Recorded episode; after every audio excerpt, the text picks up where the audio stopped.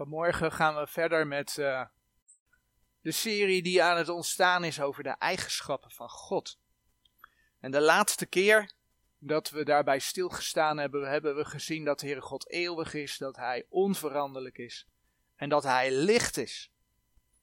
We zagen dat de Heere God aan het begin en aan het einde van deze schepping zoals we die kennen, dat Hij, dat hij daar staat. Maar dat Hij zelf zonder begin is, dat Hij zelf zonder einde is. Want de Heere God is eeuwig.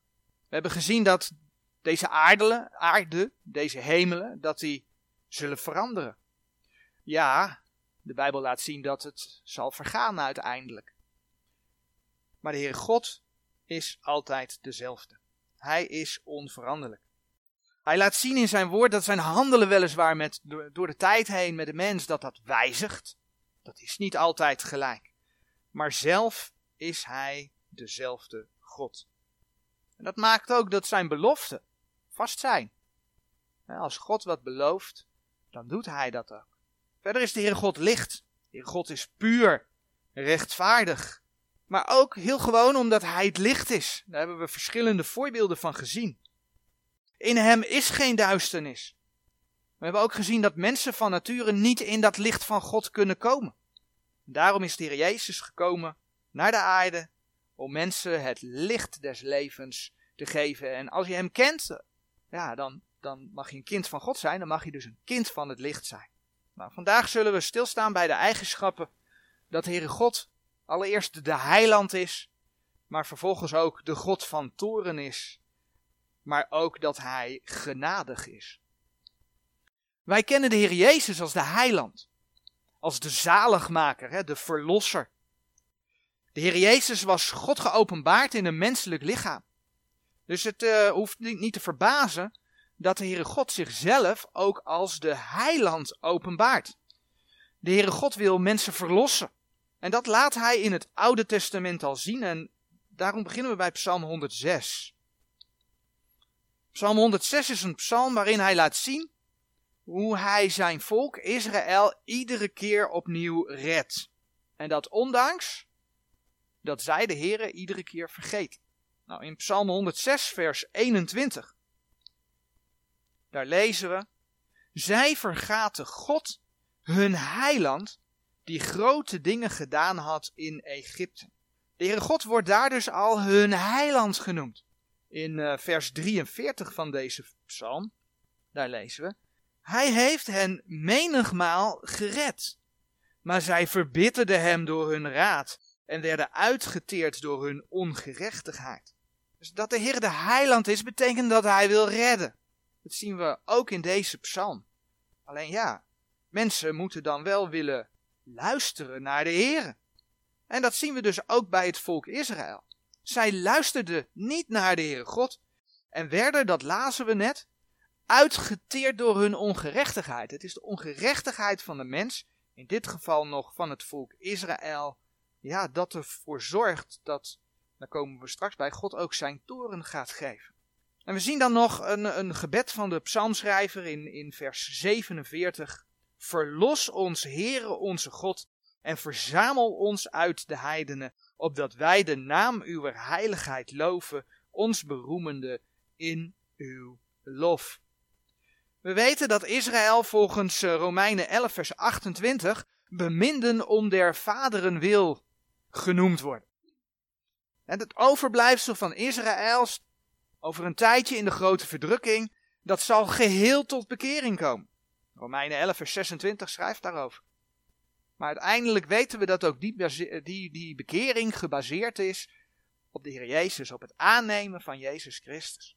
Maar die belofte die Israël heeft, dat, dat heeft geen enkel ander volk.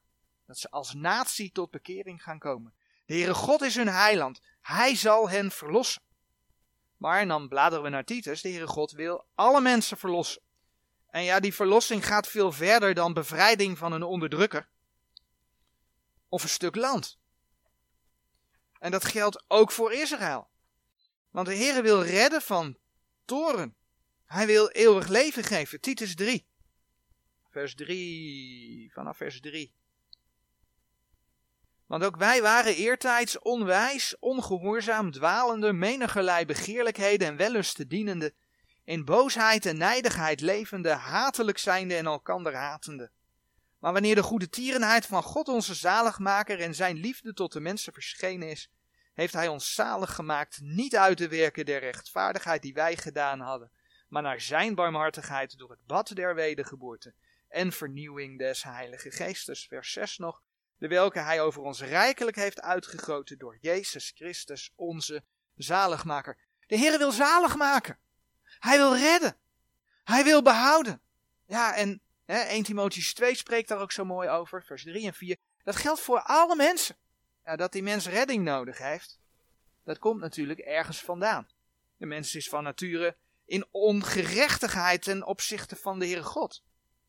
En God die heilig en rechtvaardig is, ja, die moet de zonde oordelen. Vandaar dat de Heere God ook een God van toren is. Maar dat zien we ook reeds in Psalm 106. Eigenlijk noemde ik het net al. Psalm 106. Daar zagen we in vers 43 al dat het volk werd uitgeteerd door hun ongerechtigheid. Dat was vers 43. Maar dan lezen we enkele versen ervoor vanaf vers 38.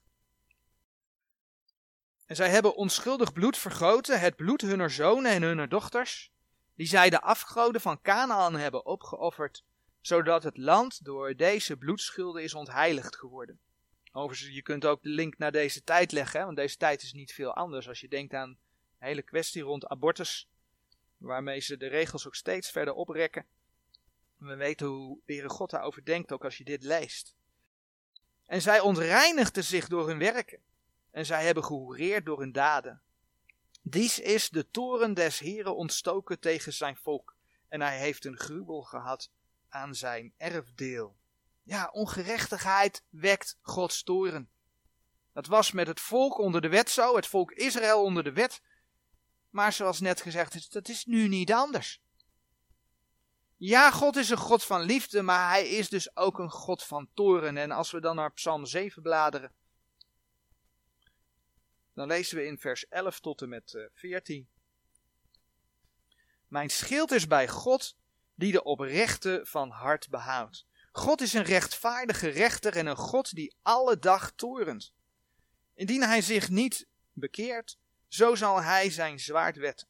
De eerste hij is met kleine letter, de tweede hij is met hoofdletter. Indien de mens zich niet bekeert, zo zal God zijn zwaard wetten, zijn zwaard slijpen.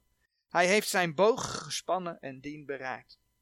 En heeft dodelijke wapenen voor zich gereed gemaakt. Hij zal zijn pijlen tegen de hittige vervolgers te werk stellen. Dat is ook onze God. De God die behoudt, maar ook elke dag torent. Ja, en die toren die gaat tot uitdrukking komen in de grote verdrukking. Dan bladeren we naar Jezaja 13. Ja, de 70ste jaarweek die over uh, de aarde gaat komen. Waarvan uh, de grote verdrukking een onderdeel is. En dan lezen we in vers 6 tot en met 9 van Jezaja 13. Huilt gij lieden, want de dag des Heeren is nabij. Hij komt als een verwoesting van de Almachtige. Daarom zullen de handen slap worden en aller mensen hart zal versmelten. En zij zullen verschrikt worden. Smarten en weeën zullen hen aangrijpen. Zij zullen bang zijn als een barende vrouw. Een iegelijk zal over zijn naaste verbaasd zijn. Hun aangezichten zullen vlammende aangezichten zijn. Zie, de dag des Heren komt gruwelijk met verbolgenheid en hittegetoren, om het land te stellen tot verwoesting en des zelfs zondaars daaruit te verdelgen. Ja, en voor degene die dan denkt dat dit alleen aan Israël aangaat, hè, want profeten, Oude Testament, allereerst voor het volk Israël, dat klopt. Maar die grote verdrukking gaat de hele aarde over. Lezen we vers 11 er even bij. Want ik zal over de wereld de boosheid bezoeken en over de goddelozen hun ongerechtigheid. En ik zal de hoogmoed der stouten doen ophouden en de hoofdvaardij der tirannen zal ik vernederen. Ja, de grote verdrukking is de tijd van Jacobs benauwdheid. De 70ste jaarweek is de tijd van Jacobs benauwdheid. Dat klopt. Maar het gaat de hele wereld over. Jezaja 13 vers 11 is daar een mooi voorbeeld van. En dat heeft er alles mee te maken dat mensen niet willen luisteren naar de Heer Jezus. En ik gebruik het expres het woordje luisteren. Dat, dat kun je op twee manieren gebruiken. Luisteren gewoon in de zin van horen, maar luisteren ook Horen en er iets mee doen. Want het is in eerste instantie horen. Maar ja, de Heere vraagt wel dat je iets met het woord doet wat aangeboden wordt. Johannes 3, vers 36, een hele bekende tekst. Maar is daar ook gewoon heel duidelijk in. Johannes 3, vers 36 zegt: Die in de zoon gelooft, die heeft het eeuwige leven. Maar dan komt hij. Maar die de zoon ongehoorzaam is, die zal het leven niet zien, maar de toren Gods blijft op hem. De zoon niet gehoorzaam zijn is in dit kader de zoon niet geloven, niets doen met het aanbod van het evangelie. Ja, en dan blijft dus, dat, dat zegt dat vers, dan blijft Gods toren op die mens. En uiteindelijk draait dat dan uit op het laatste oordeel. Dan bladeren we door naar Openbaring 11, waar men op grond van de werken, die ongerechtigheid zijn voor de Here, wordt veroordeeld tot de poel des vuurs. En ook daarin komt Gods toren tot de uitdrukking. In Openbaring 11, vers 18, daar lezen we. Als je ziet in dat begin van het vers en de volken waren toornig geworden, dan weet je dat je hier te maken hebt met de situatie dat duizendjarig vrederijk voorbij is. De Satan nog een korte tijd losgelaten wordt en dan komen de volken in opstand onder leiding van de Satan. En dan is de tijd om het oordeel, uh, van het oordeel gekomen. Openbaring 11 vers 18. En de volken waren toornig geworden en uw toren is gekomen in de tijd der doden om geoordeeld te worden. En om het loon te geven uw dienstknechten, de profeten en de heiligen, en degene die uw naam vrezen, de kleine en de grote, en om te verderven degene die de aarde verdierven. Andere teksten die hierbij passen zijn Openbaring 14, vers 10, vers 19, vers 20. Als de Heer terugkomt, dat lees je ook in Openbaring 19, Openbaring 19, vers 11 tot en met 18. Dan komt hij als een krijgsman. In Exodus 15, vers 3 wordt de Heer de krijgsman genoemd. Hij komt dan terug als een krijgsman en hij zal zijn vijanden verslaan. Maar hij zal ook oordelen, zowel aan het begin van de grote verdrukking, het oordeel over de volken, als aan het, uh, aan het begin van de uh, duizendjarig vrederijk, sorry, als aan het eind van het duizendjarig vrederijk. Dan komt dat laatste oordeel. Dat is ook de Heer. Ja, maar daarvan kan dus ieder mens gered worden. Want de Heer openbaart zichzelf als de heiland die mensen wil redden, die mensen wil verlossen. Als je Jezus Christus kent, kom je niet voor dat laatste oordeel. Hoef je de grote verdrukking niet door. Hij zal je thuis halen.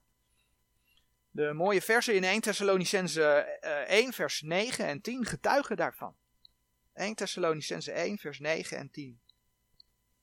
Want zij zelf verkondigen van ons hoe danige ingang wij tot u hebben en hoe gij tot God bekeerd zijt van de afgoden, om de levende en waarachtige God te dienen, en zijn zoon uit de hemelen te verwachten, de welke hij uit de doden verwekt heeft, namelijk Jezus, die ons verlost van de toekomende toren.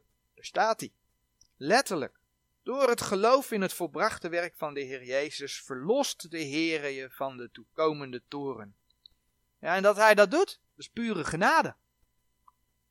Je hebt het niet verdiend. Ook als gelovige niet. Dat heb je niet verdiend. Het is genade. De Heer geeft het. Je kunt het om, niet ontvangen. Als gelovige heb je het om niet ontvangen. Dus de Heere God is ook genadig.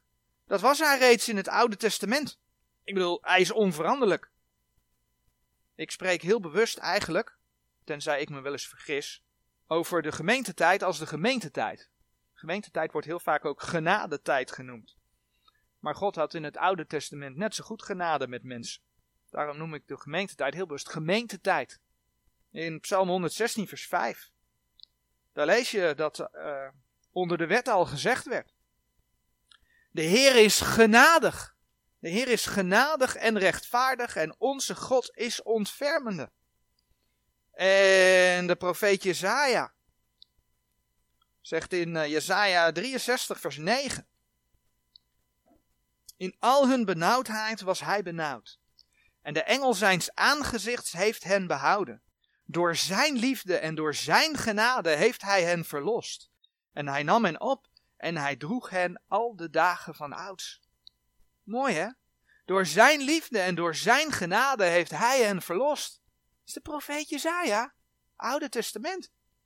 Maar dat staat ook in de context van een gebed voor de wederkomst van de Heer. Als je in Jesaja 63 verder kijkt, vers 17, sorry, vers 16, dan zien we dat de profeet het volgende weet. Gij zijt toch onze vader, want Abraham weet van ons niet en Israël kent ons niet. Gij, o Heere, zijt onze vader, onze verlosser, van ouds af is uw naam. Heere, waarom doet gij ons van uw wegen dwalen? Waarom verstokt gij ons hart dat wij u niet vrezen? Keer weder, keer weder, om uw knechten wil, de stammen uws erfdeels. Dat de Heere er keer op keer was voor het volk, dat was zijn genade. En zo is het Gods genade dat Israël eens geheel tot bekering zal komen. En zo is het Gods genade dat wij in deze gemeentetijd de Heere als onze persoonlijke verlosser hebben mogen leren kennen. En dat dat aanbod voor alle mensen staat. Die hele bekende tekst in Efeze 2 vers 8. Dat zegt, want uit genade zijt gij zalig geworden door het geloof. En dat niet uit u, het is Gods gave. Uit genade. Het is Gods genade dat je zalig geworden bent. Het is Gods genade dat je behouden bent. Het is niet uit jezelf, het is een gave van God. Romeinen 6, vers 23 spreekt over de genadegift, een cadeau. Een cadeau van genade om de eeuwigheid ja, bij Hem te mogen zijn. En het laatste vers wat we daarbij opzoeken is Romeinen 5, vers 17. Romeinen 5, vers 17. Een gedeelte wat Adam met de Heer Jezus vergelijkt. De zonde van Adam en, en, en het behoud door de Heer Jezus. En dan lezen we in vers 17. Want indien door de misdaad van één de dood geheerst heeft door die ene, veel meer zullen degenen die de overvloed der genade en der gave der rechtvaardigheid ontvangen, in het leven heersen door die ene, namelijk Jezus Christus. En bedenk dan ook nog eens, als je de Heer mag kennen als kind van God, wat de Heer je allemaal geeft. Want ook dat is genade. God is de heiland. Hij is de God van toren, maar ook de God van genade. En de volgende keer zullen we dan nog weer bij andere eigenschappen van de Heer stilstaan. Amen.